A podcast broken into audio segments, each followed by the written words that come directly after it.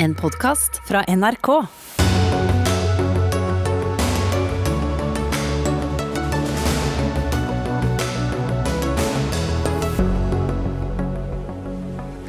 SAS-pilotene kutter lønnen og får ikke streike på fem år. Er det nok for at selskapet kommer seg ut av krisen? Vi har med en av dem som har penger til gode, nemlig næringsministeren. Arbeiderpartiets Hadia Tajik mener Høyre aldri har vært en pådriver for skeives rettigheter. Tajik forfalsker historien, svarer Høyres Henrik Asheim. Putin og Erdogan på toppmøte i Teheran. Syrias skjebne står på spill. Venstre foreslår at retten til selvbestemt abort skal inn i Grunnloven. Det hører ikke hjemme i retten, det hører hjemme på Stortinget, sier Høyre. Velkommen. Dette er eh, Dagsnytt 18 i NRK P2 og på NRK1 med Ugo Fermariello i dag. Vi skal også få med oss studenter som har lyst til å studere om sommeren, men deres egen organisasjon går imot. Så ble det en løsning i natt, etter 15 dager med streik og forhandlinger dag og natt de siste døgnene. I stolen vår setter Roger Klokseth seg ned, leder i Norske SAS-flygeres forening. Er du fornøyd med resultatet? Eh, jeg er veldig fornøyd med at streiken er avslutta. Eh, det var etter mitt syn en unødvendig streik som pågikk altfor lenge. Og jeg er veldig glad for at vi nå eh, får flyene i lufta igjen, at vi får folk dit de skal være. Resultatet, der er det vel mer blanda følelser. Vi har stått opp for den skandinaviske modellen. Vi har fått på plass en respekt for hvor tariffavtalene våre gjelder. De gjelder i SAS. Og vi har fått på plass at reansettelsesretten for våre 450 oppsagte medlemmer blir respektert. Men, har dere virkelig klart å sikre den skandinaviske arbeidslivsmodellen når dere har sagt fra dere retten til å streike og forhandle i fem år? Ja, det, det, er et godt poeng. Eh, jeg opplever at vi har fått på plass det viktigste, eh, men eh, prisen var veldig høy. Og avtalelengden er definitivt en del av det bildet.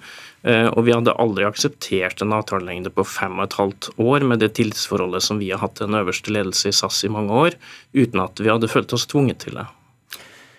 Kjetil Håbjørg, den øverste ledelsen i SAS Norge i hvert fall, sjef her. Hva betyr denne avtalen for dere? Den betyr at vi kan legge bak oss en eh, krevende streik. Vi kan, eh, som Roger påpeker her, få våre gjester til og fra sine velfortjente ferier. Og så er det viktig å få fram at vi også kan legge bak oss en oppheta debatt rundt eh, konsernet og konsernets organisering. Det er vi veldig, veldig glad for. Ja, Kan dere det? Det kommer jo flere forhandlinger med, med andre fagforeninger? Ja, men det er jo veldig mange forskjellige yrkesgrupper der. Ja, men eh, med tanke på den eh, streiken vi har bak oss, så er nok det eh, enden på en lang diskusjon internt i SAS knytta til akkurat dette spørsmålet. Og det er en viktig eh, milepæl for oss da, at vi nå kan legge den bak oss. Er du og, fornøyd med resultatet? Ja, Vi er vel, som eh, Roger her påpeker, så i en forhandling så må man både gi og ta. Eh, men vi er veldig fornøyd med at vi har blitt enige. Vi er veldig fornøyd med at vi har blitt enige med pilotene, slik at vi nå kan gå videre. For du spurte hvor viktig dette er for SAS, og det er veldig veldig viktig at vi nå kan samle oss rundt løsninger som sikrer våre kunder, og ikke minst som sikrer at vi kan fortsette det krevende arbeidet som vi har for å omstille SAS eh, for fremtida. Det skjønner vi at du vil, det har du sagt hele tiden. Hvorfor var det nødvendig å, fjerne streikeretten for de neste fem årene. Henger det sammen med at uh, sjefen din, toppsjefen Anko von der Werf, kalte selve streiken for bisarr og pilotenes opptreden for schizofren? Nei, på ingen måte. Årsaken til at vi trenger lengre tid denne gangen, er fordi at SAS er i en veldig spesiell situasjon. Etter pandemien så har vi behov for nye investorer. Og de investorene de ønsker seg forutsigbarhet, og da har vi bedt om og det er viktig å understreke, at vi har bedt om lengre tarifftid enn det som er normalt.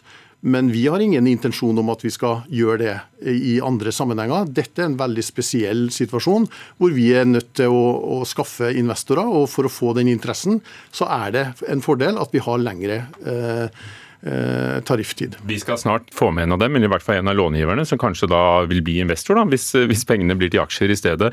Eh, Roy Klokseth som, som, leder av, av SAS Flygernes Forening i Norge. Hvordan blir tillitsforholdet mellom dere der dere sitter og, og ledelsen på kontorene? Nei, altså Det er der problemet ligger, og det har ligget lenge i SAS. Eh, vi trenger en ny bedriftskultur. Altså Ledelse og ansatte må finne sammen, og vi må bygge et bærekraftig SAS i fellesskap. Men dere ikke det ved at de godtok at tariffavtalene skal gjelde også for disse datterselskapene og flygere fra dere som blir ansatt der? Nei, det gjorde vi faktisk ikke. For det, og det tror jeg alle har fått med seg. Det har vært en opprivende konflikt på to uker som måtte til før vi kom dit, og vi har betalt en veldig høy pris. Eh, for å kunne begynne å bygge tillit, så er det første steget at eh, man må gå til en slags form for erkjennelse. Eh, en ekstremt viktig egenskap for en pilot det er å anerkjenne egne feil. Det er først da du kan få korrigert hva du har gjort feil. Og Det savner jeg fra SAS-ledelsen, at de kommer til meg og sier vet du hva, Roger, det der med at vi prøvde å omorganisere oss vekk fra tariffavtalene dine, at vi kasta ut 500 ansatte under pandemien og nekta å ta dem inn igjen, det var faktisk feil. Det angrer vi på. La oss nå bygge noe fint sammen. Kjetil Håbjørg, nå er du økonom og ikke pilot, men eh, er det ord du kunne tatt i din munn? Det er viktig for eh, oss også at vi da eh, kommer videre sammen med våre piloter. Eh, som jeg påpeker, så er omstillingsarbeidet i SAS ikke over. Har ledelsen i SAS noen feil de anerkjenner i denne prosessen? Etter at denne prosessen er over, så tror jeg vi har behov for alle som er i SAS, å, ha samtaler rundt hvordan vi skal få til en, en samarbeidskultur som er preget av respekt og eh, gjensidig Eh, ja, respekt for de synspunktene som vi har. Så, så, det er noe som vi vil understreke behovet ja, for. Det låter jo selvsagt, men, men, etter disse to ukene så er det kanskje ikke så selvsagt. og Det blir din, din jobb i hvert fall i, i, Norge for eh, Roger og de andre flygerne og alle de andre ansatte. Hva, hva, kan, du, hva kan du gjøre for å få det på plass? Nei, først og fremst nå så skal vi prøve å få flyene i lufta, passasjerene til og fra sine velfortjente ferier. Nei, ja, det skulle bare mangle. Det er det og så skal vi omstille selskapet, for vi er ikke ferdig med det. Eh, SAS står på randen av eh, konkurs og er helt avhengig av å, å få fortsette. og I så måte så var den avtalen vi fikk i går veldig veldig viktig. I tillegg til det så har vi behov for internt i selskapet å diskutere hvordan vi skal samarbeide. Jeg vil dog understreke at den avtalen vi fikk i går, den er veldig veldig viktig. Dette har vært en ordentlig krevende debatt med eh, veldig mye eh, høylytt diskusjon. Og Det gjør at vi får behov for å, diskutere hvordan vi skal samarbeide godt fremover. Men dette har vært ja, en verkebyll lenge. Det er jo på en måte en familie ikke sant, når dere jobber sammen? Ja, det er vi absolutt. Flygerne går med på 5% lønnskutt. Så er det lønnsfrys for ledelsen frem til 2025. Hvorfor kutter ikke dere? Nei, Det har sammenheng med at uh, reglene uh, for statsstøtte er sånn. Uh, lederne de har lønnsfrys fra 2019 til 2025, altså seks år. Og Da har man både lønn og, og, og, og trinnfrys, så man, man øker ikke lønn i hele tatt. I tillegg så har alle ledere sagt opp sin variable lønn. Og på toppen av det frivillig nedgang i lønn. Sånn at alle må bidra. Og i vår plan så er det en forutsetning at Eh, den avtalen vi fikk i går, hvor vi fikk et eh, stort bidrag fra pilotene, eh, får følge med andre grupper i SAS innenfor og utenfor for å redde dette selskapet og kunne tilby attraktive reiseprodukter også i fremover. Hvis dere begge er litt mellomfornøyde, så må det jo bety at, at, dette har gått bra. Altså, Dere har jo uh, gått med på dette? Vi har gått med på det, men vi har jo vært i en situasjon der vi har opplevd at vi har vært tvunget til å gå med på det, fordi at eh, konsekvensene av å velge annerledes hadde vært så store, eh, gitt den situasjonen som selskapet eh, var i på det tidspunktet hvor vi måtte ta en avgjørelse. Er medlemmene fornøyd med dette med at det blir fem år nå med denne avtalen? Det, det, får vi vite innen et eh, par uker. Vi skal avholde en uravstemning, og vi kommer til å ha medlemsmøter der vi får informere så godt vi kan om hvilke følger det her får med, for medlemmene våre. For det er ingen tvil om at det får inngripende konsekvenser for alles eh, arbeidshverdag. Mm.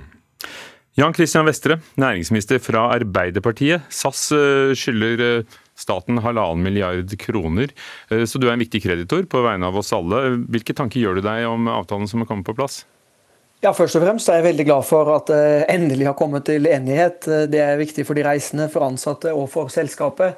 Og så står jo SAS i en eh, mildt sagt eh, krevende situasjon. Selskapet må gjennomføre en stor omstilling, og vi har jo selvfølgelig forventninger eh, til den prosessen. Og jeg tror noe av det aller viktigste for selskapet nå er å bygge god tillit internt. Det er nesten umulig å få til en god omstillingsprosess dersom det er et høyt konfliktnivå. Så det at denne årelange konflikten om ansettelse ansettelsesforhold nå er avsluttet, og at det ser ut som at de fleste pilotene som ble sagt opp under pandemien, får tilbud om jobb i selskapet igjen, det tror jeg var en veldig klok eh, beslutning. Og så er, det, er det det som skal til, Vestre, for at du da sier ja til å gjøre om det lånet til, til aksjer? Du åpnet jo for den muligheten for noen uker siden.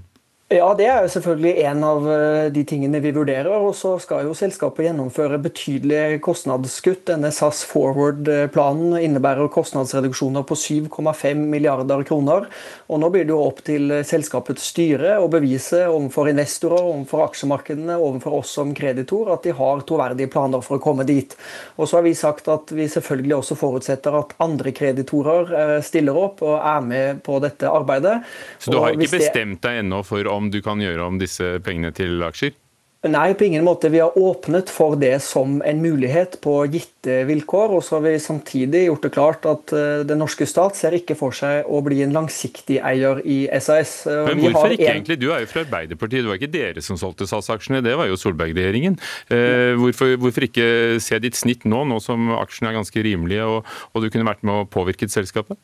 Ja, Vi er for at det skal være en velfungerende konkurranse i uh, luftmarkedet. Men det er ikke statens oppgave å eie flyselskaper eh, der hvor det finnes uh, andre alternativer. Og Denne regjeringen har et pragmatisk syn på eierskap. Vi har ikke det som et mål i seg selv at vi skal eie mest mulig, men vi skal bruke det statlige eierskapet der det er hensiktsmessig. Det anser vi at ikke er tilfellet her. Og Så får vi nå se på hvilke planer selskapet legger fram, om de er kraftfulle nok, om omstillingen går slik som den skal. Og da vil vi kunne vurdere å veksle inn da deler av denne gjelden eller hele gjelden i aksjer i selskapet. Men, Men ingen nye penger, altså? Nei, ingen nye penger fra vår side. Det har vi gjort helt men, klart. Men Vestre, jeg beklager, jeg, jeg er litt eh, bardus med deg, men, men, det er så mye jeg ville spurt om. For du er jo da næringsminister fra Arbeiderpartiet, eh, og du uttalte til oss i går at du forventer at selskapet forholder seg til den skandinaviske modellen i arbeidslivet, altså underforstått. Fem år uten streikerett, eh, er det å forholde seg til den skandinaviske modellen?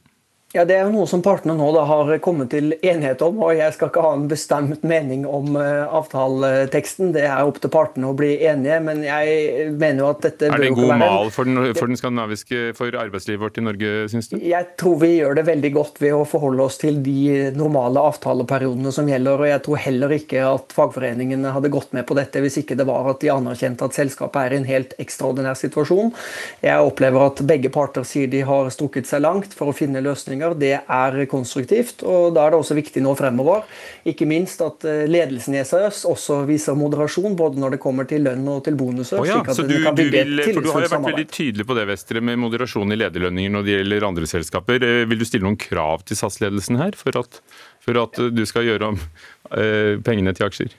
Du, akkurat hvilke krav eh, vi har og hvilke forventninger vi har, det er en fortrolig dialog mellom oss og selskapet. SAS eh, er på børsen, så det tror jeg er fint at vi har en intern dialog om. Men eh, det er klart at når piloter og ansatte går med på lønnskutt, så er det jo en god norsk dugnad sånn at også selskapets topp er med på det.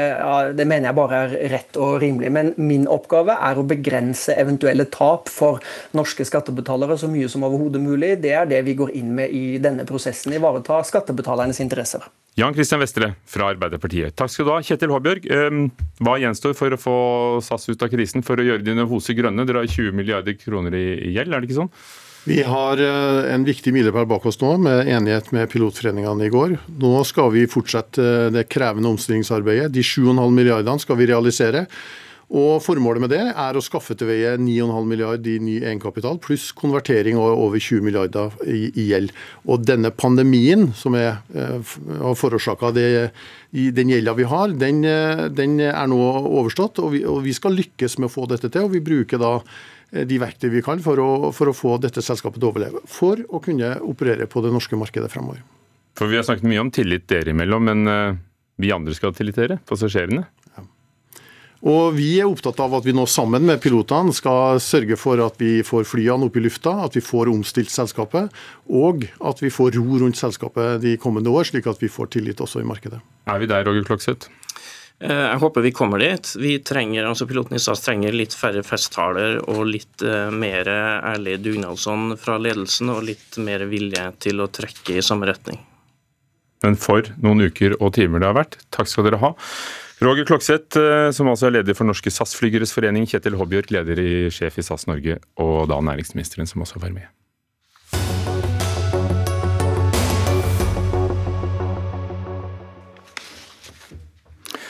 «50 år er gått siden eh, sex mellom menn ble avkriminalisert i Norge, 29 år siden partnerskapsloven ble innført, 6 år siden loven om endring av juridisk kjønn trådte i kraft. Veien for skeives rettigheter har vært lang og er ikke over. Det skrev Høyre-leder Erna Solberg i Dagens Næringsliv. Også får hun svar fra Arbeiderpartiets Hadia Tajik, som skriver at Høyre aldri har vært en pådriver for å anerkjenne homofiles rettigheter i Norge, og andre skeive. Vi skal straks høre fra Tajik, men først. Henrik Asheim, nestleder i Høyre. Kjenner du deg igjen i Tajiks beskrivelse? Nei, det gjør jeg ikke av flere grunner. Både fordi det finnes helt konkrete eksempler på at Høyre både på 80-tallet, eller for ikke for den saks skyld snakke om dagen, altså en regjering som akkurat gikk av, da, eh, gjorde viktige grep. På 80-tallet så var det eh, Willoch-regjeringen som innførte som første land i verden faktisk en kjønnsnøytral samboerlov. Det var det som la grunnlaget for partnerskapsloven senere. I vår tid nå under Solberg-regjeringen så innførte vi f.eks. at man kan skifte juridisk kjønn uten å måtte, for en kvinne som ønsker å bli en mann, da, fjerne eggstokkene som var praksis før det. Dette var noen viktige grep. Og så mener jeg bare at noe av det viktigste kritikken min egentlig av Tajik sin kronikk, det er at homohistorien vår er lang. Mange partier har gjort feil, og mange partier har gjort riktige ting. Og de fleste partier har gjort begge deler. Og da syns jeg det er rart å si at noen partier er de gode og noen er de dårlige homopartiene, istedenfor å anerkjenne at alle partiene har noen ganger vært treige, noen ganger vært frampå. Og så bør vi rose hverandre for det, og så bør vi jobbe videre for uh, felles sak. Hadia Tajik på Stortinget for Arbeiderpartiet. På hvilken måte mener du at Høyre har vært unnfallende? For det er det du, det er det du skriver. Altså først vil jeg bare understreke at eh, jeg synes det er veldig bra hvis vi klarer å finne sammen og få til felles sak på sentrale områder, som f.eks. totalforbudet mot konverteringsterapi som skal til behandling på Stortinget, eller eh, det som òg eh, står i Hurdalsplattformen om å styrke behandlingstilbudet for personer som opplever kjønnsinkongruens, altså at de er født inn i et annet kjønn enn det de selv definerer seg selv som.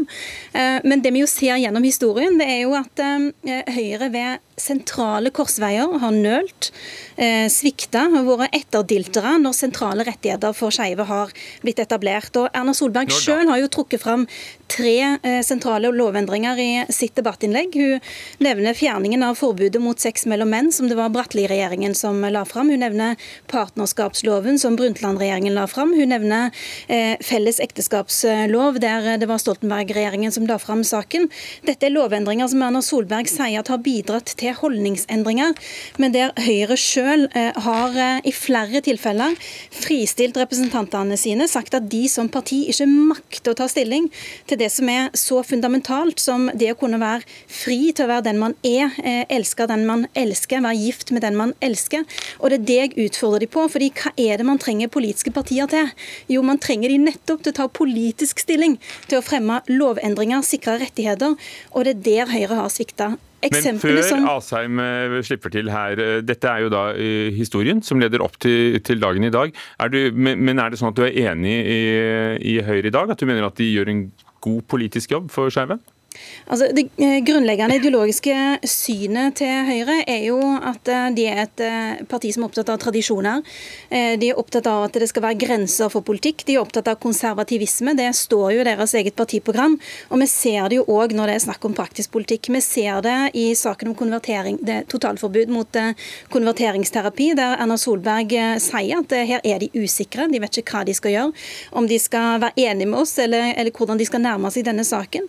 Men man så det jo òg f.eks. da Høyre satt i regjering og, Bent Høie som helseminister gjorde det lettere tilgjengelig for homofile å få tilgang til eh, hiv-forebyggende medisiner. Eh, så stemte jo Arbeiderpartiet for det og var for det og støtta opp om det. Men den han fikk kritikk fra, eh, det var Høyre sin egen helsepolitiske talsperson Sveinung Stensland. Og det det betyr, er at det er helt bingolotto hvor Høyre havner. Hvis okay, Steinung, men la, la oss stoppe der et øyeblikk. Så hadde denne saken aldri blitt fremma.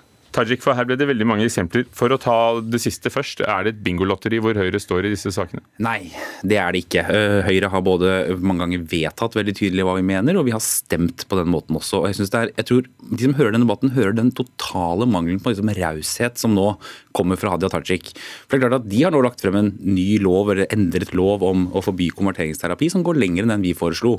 Men det går jo an også å glede seg over at en borgerlig regjering var den første som foreslo å lovregulere og forby konverteringsterapi. Men den rausheten sitter på en måte ikke i Arbeiderpartiet. Og Det andre er at det som Tajik har hengt seg litt opp i, det er liksom at Høyre for har fristilt sine representanter. Det er det samme som regjeringspartneren til Arbeiderpartiet, Senterpartiet, har som kultur. Nemlig at man kan stemme fritt i enkelte saker. Og Det har vi også gjort. Men vi stemte for ekteskapsloven, men noen ønsket å stemme mot i 2008. Så dere har ikke et partivedtak på hva partiet mener? Nei, altså Den gangen så var det jo stortingsgruppen som vedtok at vi støttet ekteskapsloven. I 2005, på landsmøtet 2005 så vedtok Høyre sitt program at vi ønsket å likestille homofile og heterofile og vurdere som adoptivforeldre. Men igjen så blir det en sånn, sånn pingpongdiskusjon som jeg tror egentlig ikke står seg for Arbeiderpartiet heller. Det er verdt å minne Arbeiderpartiet på at partnerskapsloven ble jo først fremmet av fem enkeltrepresentanter. Arbeiderpartiet stemte den gangen imot. Før de la den frem, hadde de ikke i programmet sitt at de ville ha en partnerskapslov, men den utviklet seg mens de satt i regjering. Det samme skjedde med ekteskapsloven. I 2004 så fremmet SV forslag om å innføre en ekteskapslov. Den gangen stemte også Arbeiderpartiet imot, og så fremmet de det selv i regjering etterpå. Det er ikke en kritikk av Arbeiderpartiet, fordi de kom til Stortinget med den, og Høyre stemte for den, og det skal vi være glad for. Men homohistorien vår, den er så sammensatt og så lang at det er veldig mange ulike partier og mennesker som har vært med på å flytte den debatten fremover. Jeg skulle ønske at eh, Arbeiderpartiet hadde den samme rausheten som egentlig alle de andre partiene har, i å anerkjenne at alle partiene har vært med på å flytte den debatten riktig vei. Som f.eks. da at Willoch uh, foreslo samboerloven. Det er et, det er et konkret eksempel. og hvis du går tilbake i historien, altså I 1985 var første gang både Høyre og Arbeiderpartiet sine programmer tok inn at man ville bekjempe diskriminering av homofile. Dette var en utvikling i samfunnet også, og som de store partiene uh, tok opp i seg.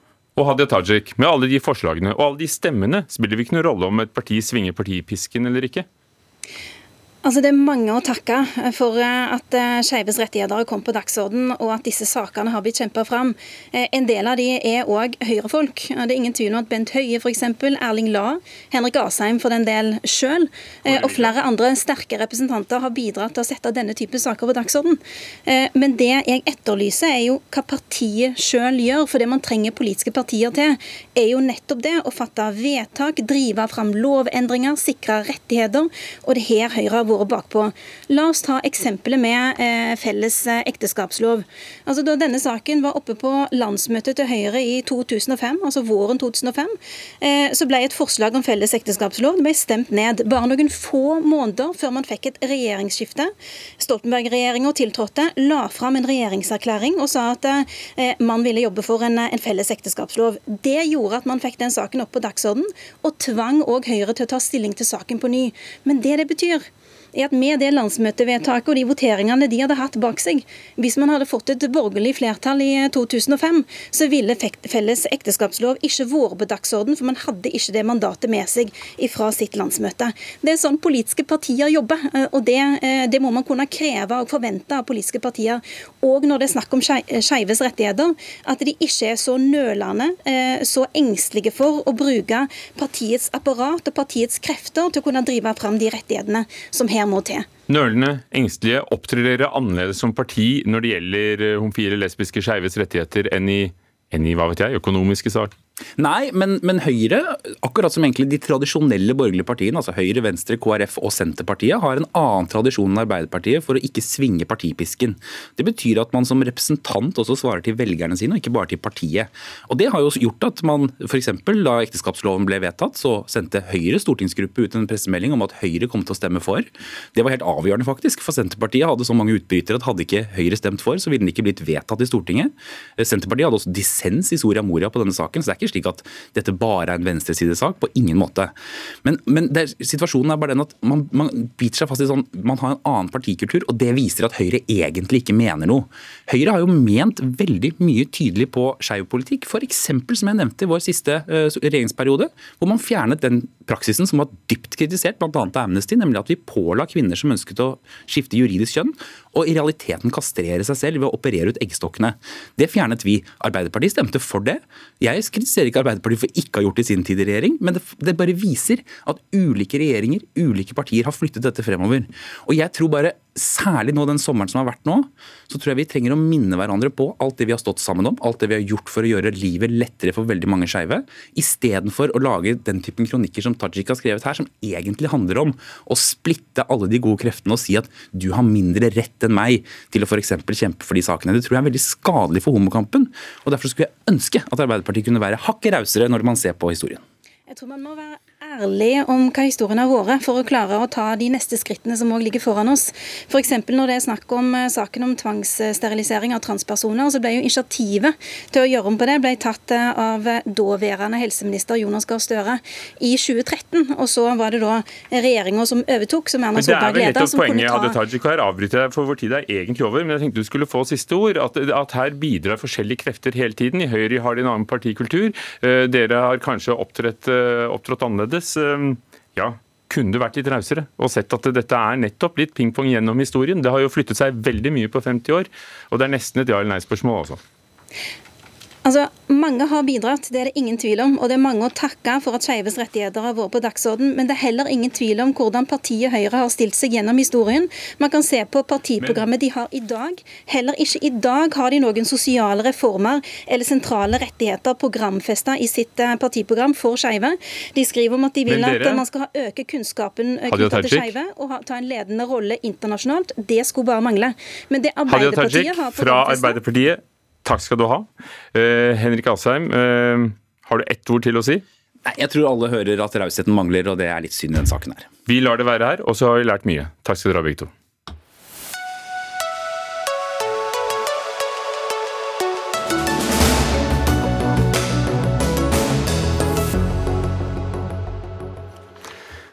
Irans leder ber Tyrkia ligge unna i Syria, men hva vil skje etter toppmøtet i Teheran, der litt av en gjeng møtes i dag? Russlands president Putin, Irans statsminister Raisi og, og Khomeini, den øverste lederen, og Tyrkias president Erdogan. De har toppmøte. Yama Wolasmal, Midtøsten-korrespondent på plass i Beirut. Det er eh, enda større forventninger til dette møtet enn da Joe Biden var i Midtøsten eh, nå nettopp. Hvorfor?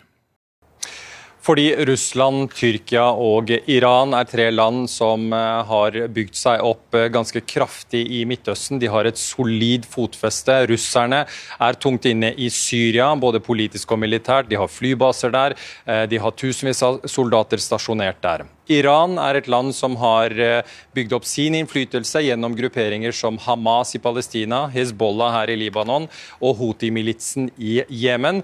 Og Tyrkia eh, er et land som pleier eh, godt forhold til de fleste land her i Midtøsten. De er også involvert i konfliktene i både Libya og i Syria. Så når disse tre landene møtes ansikt til ansikt, eller lederne deres møtes ansikt til ansikt, så er det naturlig nok større interesse for toppmøtet i Teheran enn det var da Biden kom på besøk besøk i forrige uke. Så handler det om Syria. Det står på toppen av dagsordenen. Er landet blitt en, en kasteball for stormaktene? De regionale stormaktene? Det har ja, Det har for så vidt Syria vært i, i, helt siden eh, borgerkrigen brøt ut i 2011. Eh, De første årene av den krigen husker vi at eh, det var knapt et naboland som ikke var involvert i Syria gjennom væpnede militsgrupper som de støttet for å karre til seg mer innflytelse.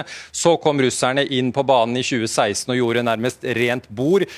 De og iranerne sørget for at regimet til Bashar al-Assad vant over store deler av landet og, og, og tok over kontrollen over store deler deler av landet. I dag er frontene klarere. Du har eh, Damaskus-regimet, som med støtte fra Iran og Russland har kontroll. Og så har du nordvestlige deler av eh, Syria som styres av eh, tyrkiskstøttede militsgrupper, og så har du kurdiske grupper som styrer i nordøst.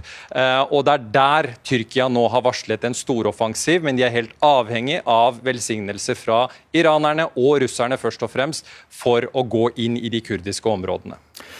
Vi har med oss også Cecilie Hellestveit. Hold linjen, Yama. Med Cecilie Hellestveit, forsker og jurist ved Folkerettsinstituttet. Så Tyrkia vil inn i Syria. De mener de har en gammel avtale, men blir advart av Iran. Ja, hva er det de vil? Det eh, Tyrkia ønsker, er å få en sammenhengende buffersone på andre siden av grensen, altså på syrisk territorium, for å på en måte beskytte seg selv mot det Tyrkia mener er trusler mot Tyrkia. Dette var eh, en avtale som ble fremforhandlet egentlig under den forrige amerikanske administrasjonen, som jo altså Amerikanerne har fortsatt styrker stående på bakken i, i Nordøst-Syria. Eh, og eh, tyrkerne de vil gjerne ha amerikanerne ut, egentlig. Og det, det som er situasjonen situasjonen med disse tre landene som nå møtes i Teheran, de er veldig uenige, egentlig. De har ulike interesser i eh, Syria, og de står på hver sin side i den krigen. Det de er ganske enige om, er at de egentlig har lyst til å få amerikanerne ut. Og Dette er den prosessen som legger økt press på rett og slett kurdiske grupper i Nordøst-Syria og på amerikansk nærvær. Og det er klart For, for russerne er det en, en gunstig eh, posisjon å være i, og sitte på en måte og være den som til syvende og sist har eh, kontroll med hvordan denne prosessen skal, skal forløpe. Fordi det er klart For russerne, som har hatt eh, dette Astana-rammeverket som en politisk plattform som de har bygget ut siden 2016 De er da den avtalen hvor Tyrkia mener de de har rett til å ta over litt eh, og kontrollere områder i, som er kurdisk? Ja, fra 2019 ble den fremforhandlet. og det er klart Disse tre landene har møtt hverandre hvert år siden 2016, altså i syv år. Men, og, og, og, det er klart det er et veldig gunstig diplomatisk rammeverk som russerne har etablert med Iran og ikke minst med Nato-landet Tyrkia. Men aldri tror jeg nok at russerne har hatt så stor nytte av dette diplomatiske rammeverket som nå. Eh, nettopp fordi russerne kan vise at vi egentlig i stor grad bestemmer hva Tyrkia kan gjøre i sine, i, i sine, nærområder i Syria.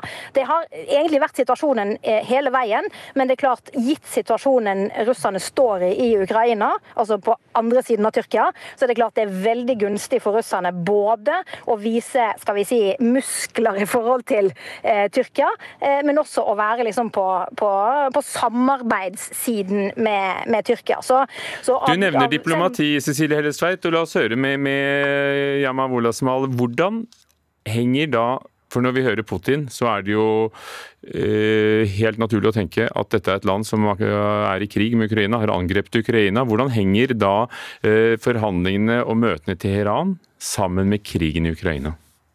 Det henger sammen på den måten at uh, Tyrkia er jo et land som har kastet sin støtte bak Ukraina. De har solgt uh, sine beryktede Bayraktar-droner bl.a. til uh, ukrainske styrker. Disse dronene har hatt helt avgjørende effekt på slagmarken, til russernes store frustrasjon. Tyrkia kontrollerer også det viktige Bosporos-stredet, som er inngangsporten til Svartehavet, som er viktig både for Ukraina og ikke minst for russerne. Og Erdogan har også et ønske om å spille en fremtidig meglerrolle i konflikten mellom Russland Russland og Ukraina. Eh, og så har du russerne som eh, har bygd seg opp i Syria, hvor Tyrkia nå, som vi hører, ønsker å gå inn i de kurdiske områdene og angripe kurdiske grupperinger. Det kan tyrkerne glemme hvis russerne setter seg på bakbeina. Så Tyrkia og Russland har et slags avhengighetsforhold som gjør at konflikten i Syria og krigen i Ukraina på mange måter henger sammen. Hmm. Det, Hellestveit? Nei, det, som, det, som, er viktig å huske på, er at eh, russerne gikk jo inn i Syria året etter at de annekterte Krim. Og det har gitt russerne etter hvert en, eh, et pressmiddel overfor Tyrkia, eh, som russerne kan utnytte i den situasjonen de er i i, i Ukraina nå. Eh, og det som eh, er de, de, bilaterale samtalene som Russland og Tyrkia skal ha i Teheran, handler om bl.a. uttransport av korn. Og det russerne kan vise på denne måten her, det er det at det egentlig så er det særlig Russland og Tyrkia som kontrollerer Svartehavet. Så det, Her ligger det veldig mye symbolikk også, for så vidt, fra, fra Moskva sin side, hvor de for, forsøker å, å, vise både eh, stormakten og, og, vestlige land og, og Nato-land for øvrig at, at russerne er en, en, viktig spiller i Midtøsten, selv om de er ekstremt isolert eh, fra vestlig hold. Symbolikk for Russland, korn til verden. Det tar vi opp i Dagsnytt 18 i morgen, for det er et helt eget tema for seg selv. Eh, men som også da er eh, tema i Teheran. Takk for at dere var med, Cecilie Helstveit og Yama Wolasmal.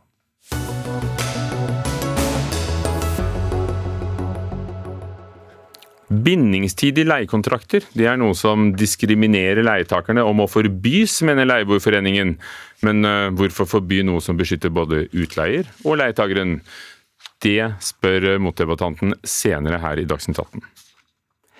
Frankrike har nylig bestemt at eh, kvinners rett til selvbestemt abort skal eh, lovfestes i Grunnloven. I Norge mener Venstre at vi bør følge etter, men Høyre er uenig. Nå er jo både Høyre og Venstre begge for retten til selvbestemt abort, la det være sagt med en gang. Men skal det inn i Grunnloven? I VG tar du til orde for nettopp det. Ingvild Thorsvik, eh, stortingsrepresentant fra Venstre. Hva innebærer forslaget som dere kommer til å, å komme med konkret da etter sommeren? Altså, Vi ser jo at uh, hardt tilkjempa rett til abort uh, regelmessig trues. og uh, Vårt poeng er at det aldri må skapes noe tvil om at kvinner og andre som kan bli gravide, har rett til selvbestemt abort i Norge, sånn som vi har sett i USA og i Polen. Og Vi vet at det er ofte kvinner og minoriteter sine rettigheter som rokkes ved når demokrati blir satt under press. og Derfor mener vi at det er riktig at vi tar skritt i Norge som gjør at vi sikrer også framtidige generasjoner sin rett til fri abort. og den beste beste måten å gjøre det på, er å sikre det gjennom en grunnlovfesting. Petter Frølich, stortingsrepresentant fra Høyre. Hvorfor er du imot Venstres forslag om å dere for selvbestemt abort i Høyre? Mm. Få det inn i Grunnloven? Rett og slett fordi at dette er ikke en, dette er ikke en aktuell debatt i Norge. Vi har en, det blir det nå? Eh, nei, ja, altså Selve abortspørsmålet er, bygger på langvarig politisk konsensus og er ikke under press i Norge, sånn som vi ser f.eks. i USA eller Polen. Ja, vi har diskusjoner om eh, innretningen og detaljer i, i abortlovgivningen, men vi er ikke i nærheten av å stå overfor en sånn trussel som man f.eks. ser i, i Polen. Derfor syns jeg det er litt eh, rart og merkelig merkelig at man skal importere konstruert liksom, amerikanske debatter inn i, i, Norge. Vi har en helt annen tradisjon, en helt annen eh, grunnlov, et helt annet system for dette. Og jeg tror egentlig ikke at vår grunnlov er Den er ikke bygget for å ta inn alle mulige rettigheter som man ellers er veldig opptatt av, men som kanskje ikke hører hjemme i en, en konstitusjon. Ja, Hvorfor nå, Ingvild Thorsvik? Hvorfor, eh, det, hvorfor, fremmer dere forslag nå? Er det nettopp uh, fordi vi leser nyhetene fra, fra USA og Polen? Ja, altså Vi ser jo det som eh, skjer rundt oss. og så vil jeg jo si Heldigvis så ser vi ikke den samme typen debatt i Norge. Men dette handler jo om å være føre var. Og som jeg sa i stad, så er det jo fort sånn at det er kvinners rettigheter og minoriteter sine rettigheter eh, som rokkes ved når eh, et eh, demokrati er under press.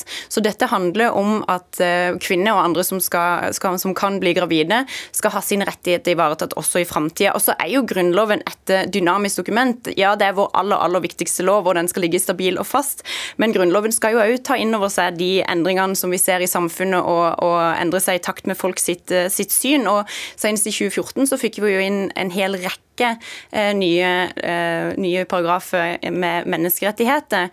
og det å ha en så fundamental rettighet som retten til fri abort, som også toucher innom så mange av disse viktige menneskerettighetene, det tenker jeg at er helt naturlig å ha inn i Grunnloven. Nå er dere jurister begge to. Er dere uenig i hvordan loven skal formuleres juridisk? Er det det? Hvordan dere skal bruke den, Peter Frølich? Jeg tror i hvert fall det vil være en veldig stor utfordring å formulere dette på en god måte. Og Nå har jeg sett uh, forslaget fra Venstre og måten de formulerer det på. og Det, jo, altså det åpner jo haug, en haug av, av, av, andre spørsmål. Uh, for så skriver de at enhver har rett til å ta autonome beslutninger om, om egen kropp det er å åpne døren for aktiv dødshjelp, som jo er et veldig politisk betent spørsmål. Det, den debatten kan vi ta any day. Den, den, eh, den, ruller og går foran hver valgkamp, men det er til syvende og sist et spørsmål som må avgjøres, tror jeg, i Stortinget, og ikke eh, grunnlovsfestet. Dermed, en grunnlovsendring er jo ikke bare avgjort i ett, men i to storting? Eh, ja, det er riktig, men så er det to tredjedels flertall for, å, for, å endre den. og Det betyr at i ytterste konsekvens så flytter de spørsmålene over i domstolen. Det tror jeg er veldig lite heldig. Jeg tror vi er tjent med, og det har tjent oss godt i Norge, at vi avgjør også vanskelige, omdiskuterte politiske spørsmål, som aktiv dødshjelp, som abort, gjennom politiske kompromisser, hvor liberal side, konservativ side setter seg sammen rundt et bord og blir enige om tunge, vanskelige kompromisser, for de er de som står seg over tid, som har stabiliserende effekt, mens vi ser det motsatte i USA, hvor dette er løftet opp til eh, grunnlovstolkning og, og eh, dommer i Høyesterett. Torsvik, hvorfor ikke la det være i Stortinget eh, hver gang det er ja, litt politisk uenighet? Nå er det jo nettopp eh, ja, gjennom de siste årene vært debatter om hvordan selvbestemt abort skal innrettes.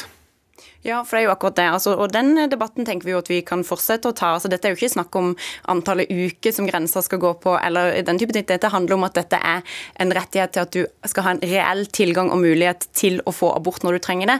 For vi vet jo alle at det er ikke sånn at du kan forby abort. Det eneste du kan forby, er trygg abort.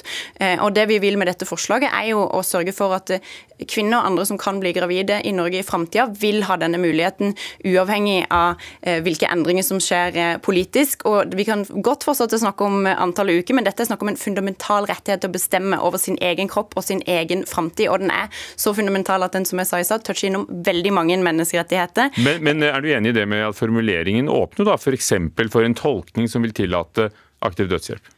Altså, nå vises det jo i forslaget vårt til at eh, det bl.a. skal eh, være gjennom retten til selvbestemt abort. og Forslaget handler om, om, reproduktiv helse og abort. Altså Hvis det er det som skal til, så skal vi, så skal vi godt være åpne for å, å, se på ordlyden i forslaget, hvis Høyre vil gå inn og støtte det da. Eh, men at, at, det viktigste her er at retten til selvbestemt abort kommer inn i Grunnloven, det er vårt hovedpoeng. Og hvis Høyre... Og, og jeg bare gir ordet litt til Frølich, ja, så, så vi lar det gå litt frem og tilbake. Du sitter jo i Stavanger, Torsvik, men eh, Frølik um, hun har jo et poeng. I 2014, 200 år siden Grunnloven, eh, så var det jo forandringer, og dere var jo med på dem? Eh, I 2014 så var det mange spørsmål som ble diskutert om vi skulle ta inn i Grunnloven. Et av de var om abort skulle grunnlovfestes. og Da var alle partiene enige om at det er et spørsmål som hører hjemme i vanlige politiske debatter, og ikke som en grunnlovsrettighet. Det betyr ikke at det ikke er viktig. Det er vanvittig viktig. Men spørsmålet vi alle må stille oss selv er hva hører hjemme i Grunnloven, og hva hører ikke hjemme i Grunnloven. Der er, der er mange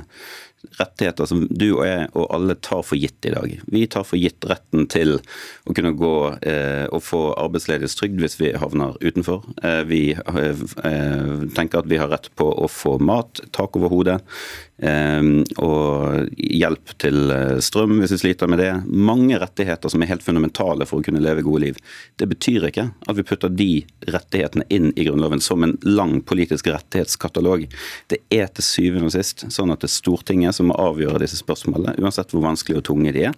Men jeg liker intensjonen i forslaget her. Jeg bare tror at den er trigget av disse nyhetene fra USA, som jo er triste å se på, men som ikke hører hjemme i en norsk politisk eh, diskusjon. Ingvild Thorsvik, vil du gjøre Grunnloven om til en rettighetskatalog? Er dere uenige i hva Grunnloven skal være? Er det så enkelt? Altså som jeg sa i stad, Grunnloven skal jo endre seg i takt med folk sitt syn. og Når vi ser på retten til abort, så er det en så fundamental rettighet at det er helt naturlig at den også innføyes i menneskerettighetskapitlet, etter, etter, min, etter mitt skjønn. Eh, og Vi ser jo at eh, mange av de eh, endringene som vi fikk i 2014, brukes òg aktivt når vi utvikler politikk på Stortinget. Så litt tilbake igjen til det spørsmålet om dette er noe som kun skal avgjøres fra Stortinget sin side, så er jo det også noe vi i hensyn tar når vi kommer med nye lover på Stortinget. Så det å grunnlovfeste dette betyr ikke nødvendigvis at eh, det vil føre til at det vil havne i, i domstolen på et eller annet tidspunkt, men det er noe som vi også som politikere må forholde oss til. Og det å eksplisitt nevne abort i denne lovgivninga gjør jo at det også er et politisk spørsmål, nettopp fordi at det vil ikke være opp til tolkning i domstolene, sånn som vi har sett har skjedd i USA, hvor det har vært tolka uten av retten til privatliv. Men nå må jeg klubbe denne debatten. Og så lar vi det ligge der. Takk skal dere ha. Ingvild Thorsvik, med oss fra Kristiansand, var det, ikke Stavanger. Kristiansand fra Venstre og Petter Frølich fra Høyre, begge på Stortinget.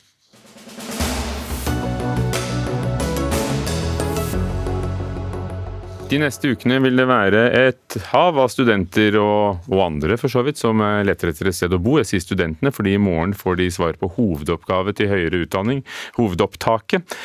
En million mennesker leier bolig i Norge i dag, og det er stor konkurranse altså om å finne et nytt sted å bo.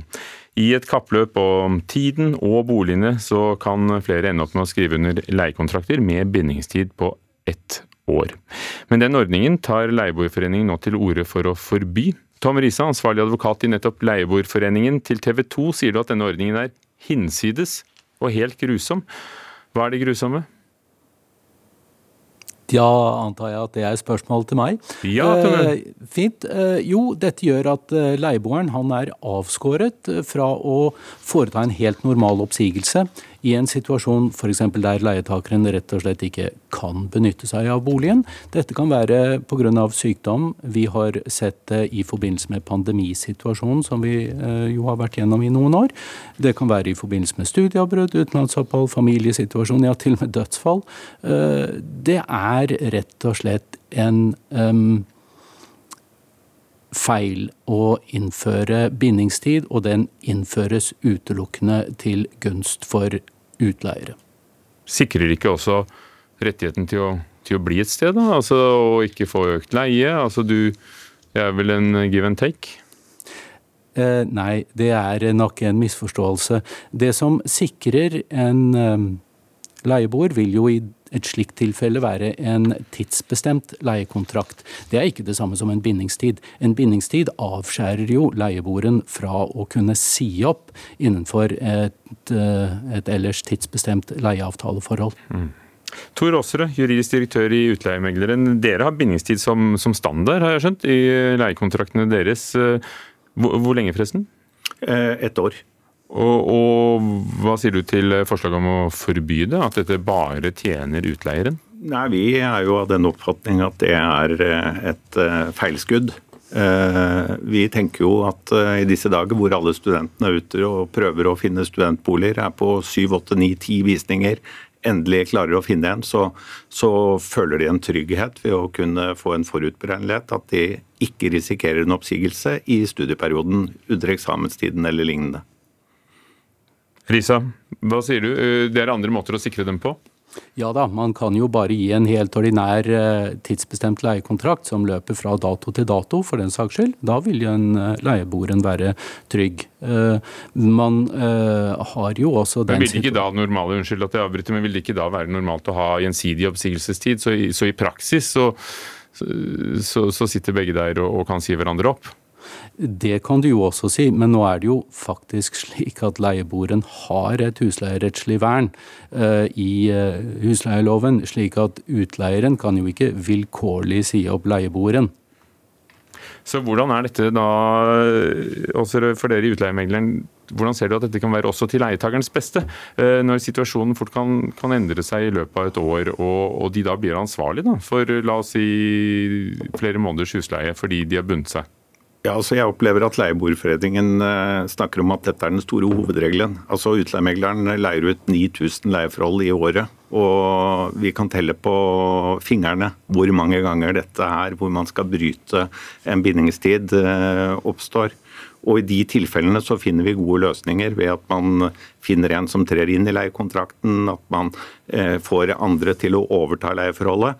Så, så, vi føler at det blir problematisert eh, noe som ikke er et problem, men som er et stort bidrag til å skape langsiktige, trygge leieforhold både for utleiere og leietagere. Men Hva sier du til argumentet om at, at leietakerne er beskyttet på andre måter? Altså At de er beskyttet uh, i den grad uh, de, de, inngår en tidsbestemt leieavtale. Vel, så, så, er man beskyttet ved at man da kan fremleie. Da vil man allikevel være ansvarlig for husleien. Uh, I den grad man, man, leier ut dette her og, og finner en annen som kan, kan, gå inn i leieforholdet, så vil du være ansvarlig for husleien og ødeleggelser som fremleietakeren din gjør på leieforholdet. Så vår erfaring fra alle våre leietagere, det er jo at de ikke ønsker et fremleieforhold. Eh, så, så, det er en dårlig beskyttelse. Hvis de eh, tilfellene som Risa nevner skulle oppstå, så er det enklere å finne en løsning hvor andre overtar leieforholdet. Tom Risa, kan dere ikke, altså Nå er det jo langt flere, virker det som, særlig akkurat nå, som, som leter etter et sted å bo og leie. Men kunne dere oppfordret medlem til å ikke undertegne, da, hvis de ikke vil ha den avtalen? Vi oppfordrer eh, alltid eh, leieboere til å lese nøye gjennom og vurdere hva som er muligheten. Men problemstillingen er jo en ganske annen. Problemstillingen er at det er knapphet på boliger nå. Folk finner ikke tak i boliger, og det innebærer at de blir tvunget til å akseptere disse såkalte standardene. Eh, deriblant også disse husleieavtalene med bindingstid. Det er ikke en balansert situasjon, det er en tvangssituasjon for leieboeren. Vi opplever jo at eh, det er en stor overdrivelse å, å si at det er en tvangssituasjon. Altså, De fleste leieforhold i, i Norge i dag har ikke bindingstid. Eh, slik at i den grad man da ikke ønsker å signere en bindingstid, så kan man enten ta det opp med utleier og finne en annen løsning, i den grad utleier er interessert i det. Hender det hos dere òg? Ja, ja. Vi har flere avtaler hvor enten utleier eller leietager eh, ønsker å ikke binde seg for lang tid, og så inngår man en avtale uten. Hmm. Eh, kan denne muligheten eh, Tom Risa, i Leieboerforeningen eh, være med på å oppmuntre private huseiere til å leie ut i det hele tatt? Altså, de får jo da en trygghet, og da dermed skaffe flere boliger på markedet, ikke sant? når de vet at de er sikret, og, og dermed bedre situasjonen? Det har de jo også ved en helt normal tidsbestemt leiekontrakt, så nei, jeg ser ikke at det bidrar noe spesielt. Hmm. Takk skal dere ha, begge to. Jeg tror ikke vi blir mer enige her. Tom Risa, ansvarlig advokat i Leieboerforeningen, og Tor Aasrud, juristdirektør i Utleiemegleren.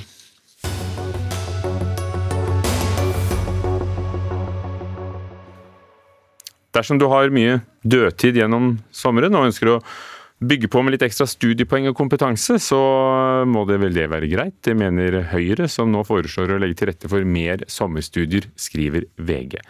Selv om det finnes jo allerede i dag, men de er ikke bundet til noe studieløp og er eh, selvstendige sommerkurs. Håkon Snartheim, første nestleder i Unge Høyre. Dette kom jo som et vedtak fra Unge Høyre først. Hvorfor er det viktig for dere å, å få et ekstra semester, da, på en måte et lite sommersemester i tillegg til studiene? Nei, altså Det handler jo først og fremst om at vi trenger mer fleksibilitet i utdanningssystemet vårt. Det gjelder alle aldre. Vi vet jo allerede at, at en, av, en, av, fire studenter er over 30 år, også at de tar etter- og videreutdanning eller hva det måtte være. Og Det gjør at vi må bygge om utdanningssystemet vårt, sånn at det blir lettere for mennesker å ta andre valg, at man kan kombinere ulike ulike studier, ulike kompetanser. Og for veldig mange så tror jeg også at sommerferien er god, et godt alternativ fordi de f.eks. har ferie fra jobb, eller fordi, som det står om i VG med Agathe, som også kjeder seg i sommerferien og gjerne skulle tatt noen fag da, f.eks. Mm. Agathe, som er din partikollega. En veldig hyggelig partikollega. Maika Godal Dam, leder i Norsk studentorganisasjon. Ja, Dere er kritiske til forslaget når det er eh, studenter selv som ønsker å studere om, om sommeren. Hvorfor? Ja, Vi er kritiske til at studentene nå også skal ta studiepoeng over sommeren. Fordi vi mener at eh, studieåret er langt nok fra før av. Vi vet at veldig mange studenter bruker nettopp sommeren til å jobbe.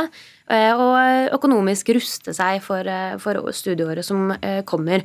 Mange studenter er helt avhengig av deltidsjobben sin, og vi er bekymra for at når studentene nå også skal bruke sommeren til å studere, så bidrar til å skape større forskjeller mellom studentene. Altså, dette forslaget tvinger jo ingen til å, ta, til å måtte studere i, i, om sommeren. Vi ønsker at det skal være et tilbud, ønsker en forsøksordning som gjør at de eh, som ønsker å ta opp fag eller emner i løpet av sommerferien, skal få lov til det. Eh, og Dette gjør de i andre land, som funker veldig fint. I Sverige f.eks. så får du til og med studiestøtte i, sommer, eh, i sommermånedene dersom du tar et ekstra fag. Og Det gjør egentlig at dette forslaget er veldig bra av to gode grunner. For det første så kan studenter som har driti seg ut på eksamen, ønsker å ta opp faget på nytt, har muligheten til det i løpet av sommeren, så de slipper en ekstra hard eksamensperiode neste semester. Og Det vil da også på sikt sørge for at flere klarer å fullføre på normert tid. Man skaper mer fleksibilitet, får folk fortere ut i jobb. Det tror jeg er et utelukkende gode, og det skaper mer fleksibilitet og kanskje også et bedre arbeidsliv på sikt. Så hvis vi forutsetter at dette, som da visstnok i Sverige, hvis det stemmer, fører til studiestøtteordningen utvides og at, at det blir som et annet semester, hvorfor da nekte nekte de som ønsker å ta opp fag, å gjøre det, eller ta noen nye fag? Altså, for det første så eh, gir ikke dagens eh, studiestøtteordning støtte til nettopp sånne eh, type sommerpoeng som dere eh, nå foreslår at studentene skal ta. Så det må være en absolutt eh, konsekvens at, at, man også får eh, få støtte til eh, denne type kurs. Eh, så er jo en annen side eh, av saken at det vil potensielt være med på å dra normen opp for hvor mange studiepoeng en student skal produsere. Det mener vi er problematisk, fordi det kan gi ringvirkninger som at studentene får økte forventninger til hva de skal prestere, være med på å gi større press og også større konkurranse mellom medstudenter. Det er en konsekvens vi tror kan gås utover studentenes også helse og trivsel, som igjen ikke vil være være en positiv eh, konsekvens av et sånt forslag.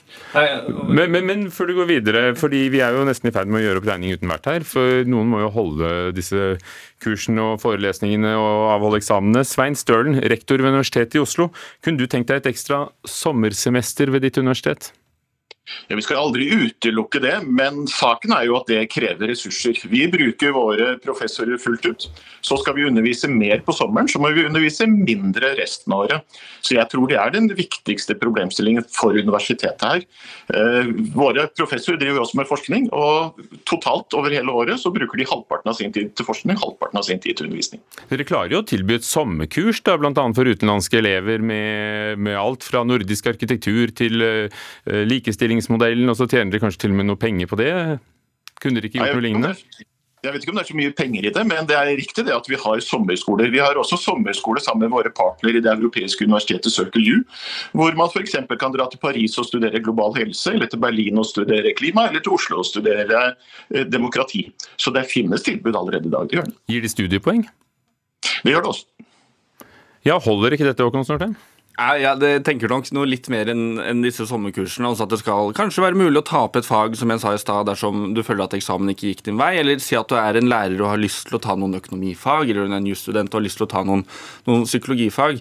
Og så er jeg helt enig eh, med NSO i at studiestøtten ikke er, er god nok å, å skal. Og det eh, kan kanskje også være en forutsetning for at dette skal kunne, eh, skal kunne gjennomføres. Men jeg syns det er litt rart av at NSO nesten automatisk er skeptisk til forslag som sørger for at flere studenter skal få lov til å studere mer. Og så Det må jo være mulig å finne en løsning som gjør at voksne mennesker lettere kan kombinere jobb og studier, eller unge som eh, sikkert også jobber eh, og fint klarer å kombinere jobb og, og studier eh, i løpet av semesteret, og så kan ta flere fag og emner i løpet av sommerferien. Ja, eh vi er eh, imot at økonomi skal avgjøre hvorvidt man har en mulighet eh, innenfor høyere utdanning eller ikke. Vi vet at noen eh, ja, med dette forslaget vil ha mulighet til å ta ekstra studiepoeng og øke sin kompetanse. Det er i og for seg fint nok. Det som ikke er like fint, er at andre må bruke tid på å jobbe i løpet av sommeren og dermed ikke vil kunne benytte seg av denne muligheten i, eh, på samme måte. Det mener vi også at det rokker ved noen av grunnpilarene eh, for høyere utdanning i Norge. Altså at alle skal ha lik rett og mulighet til å ta høyere utdanning. At det offentlige utdanningstilbudet skal være gratis gratis, og at vi har et utdanningssystem som er tuftet på rettferdighet. Det er noen av bekymringene vi har knyttet til dette forslaget. Svein Stølen, som det er i dag, ville det vært overkommelig å, å hatt et tilbud på, for, for, for, dere, da, Universitetet i Oslo, å hatt et tilbud om sommeren? Men ja, Det er jo en endelig mengde ressurser. så det betyr at Hvis vi skulle undervist mer på sommeren, så hadde det vært mindre resten av året. Så vi må ha færre studenter eller et dårligere tilbud resten av året. Så før det kommer flere ressurser, så tror jeg det systemet vi har i dag er det beste.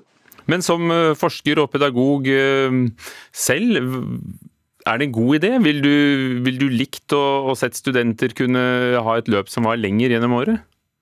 Vi, vi, kan kanskje få det til på andre alternative måter også. I vår allianse igjen så jobber vi jo sammen med Humboldt-universitetet i Berlin f.eks. De har andre semestre enn oss. Så hvis man bruker hele Europa og jobber gjennom en slik allianse, så kan vi kanskje få det til også med dagens system. Men da får du altså ikke kurset nødvendigvis i Oslo, men via våre partnere. Men tror du det er en god idé for, for læringen og forskningen? Jeg tror jo også at eh, studenter har eh, godt av ferie, og at de trenger å tjene penger. Det tror jeg også gjelder for veldig mange studenter. Så det handler om økonomi i stor grad. Og skulle ressursene stilles tilgjengelig, så skal vi klare å undervise også på sommeren. Håkon Snartheim, har, du, har dere tenkt på de økonomiske konsekvensene og implikasjonene av, av forslaget? Når du hører Svein Stølen fortelle om uh, at det er en endelig mengde ressurser. Mm. Og, det, og, det, er et helt uh, legitimt poeng og et, et, problem som absolutt eksisterer. og Selvfølgelig må det følge med penger dersom man skal utvide mengden uh, undervisningstimer i løpet av et år. Jeg mener også kanskje at det ville vært naturlig at dersom du er fulltidsstudent i juli, også får studiestøtte for juli, og ikke bare 11 måneders studiestøtte, sånn som det er i dag. Men det er jo Har derfor... overhodet regnet på hva det vil koste? Nei, og, sånn, og det er derfor vi ønsker et forsøksprosjekt, for å se hva man får ut av det. Funker det, så mener jeg at vi bare skal peise på. Et forsøk kan dere vel være med på, eh, Maika Godaldam i studentorganisasjonen? Eh, ja, det er fortsatt bare noen få som vil ha reell mulighet til å benytte seg av eh, denne eh, ordningen, om det så også bare er en forsøksordning. Og på bakgrunn av det så vil det potensielt også bidra til å øke forskjellene på bakgrunn av økonomiske forutsetninger, som er en stor bekymring, og som også vil være en bekymring dersom man gjennomfører et prøveprosjekt. Om det følger med økonomiske midler og studiestøtta økes og alle forutsetninger legger til rette for Eh, at studentene ikke trenger å jobbe, og at alle kan benytte seg av muligheten, så sier jeg tommel opp, kjør på. Takk skal dere ha, alle sammen. Eh, Maika Godaldam, som er leder i Norsk studentorganisasjon, Håkon Snortheim, første nestleder i Unge Høyre, og Svein Stølen, rektor ved Universitetet i Oslo. Dette var eh, Dagsnytt 18 for i dag. Vi er tilbake i morgen. Ansvarlig for sendingen var Synnøve Væreide Trampe. Teknisk ansvarlig Eli Kyrkjebø. Programleder Ugo Fermariello. Ha det bra.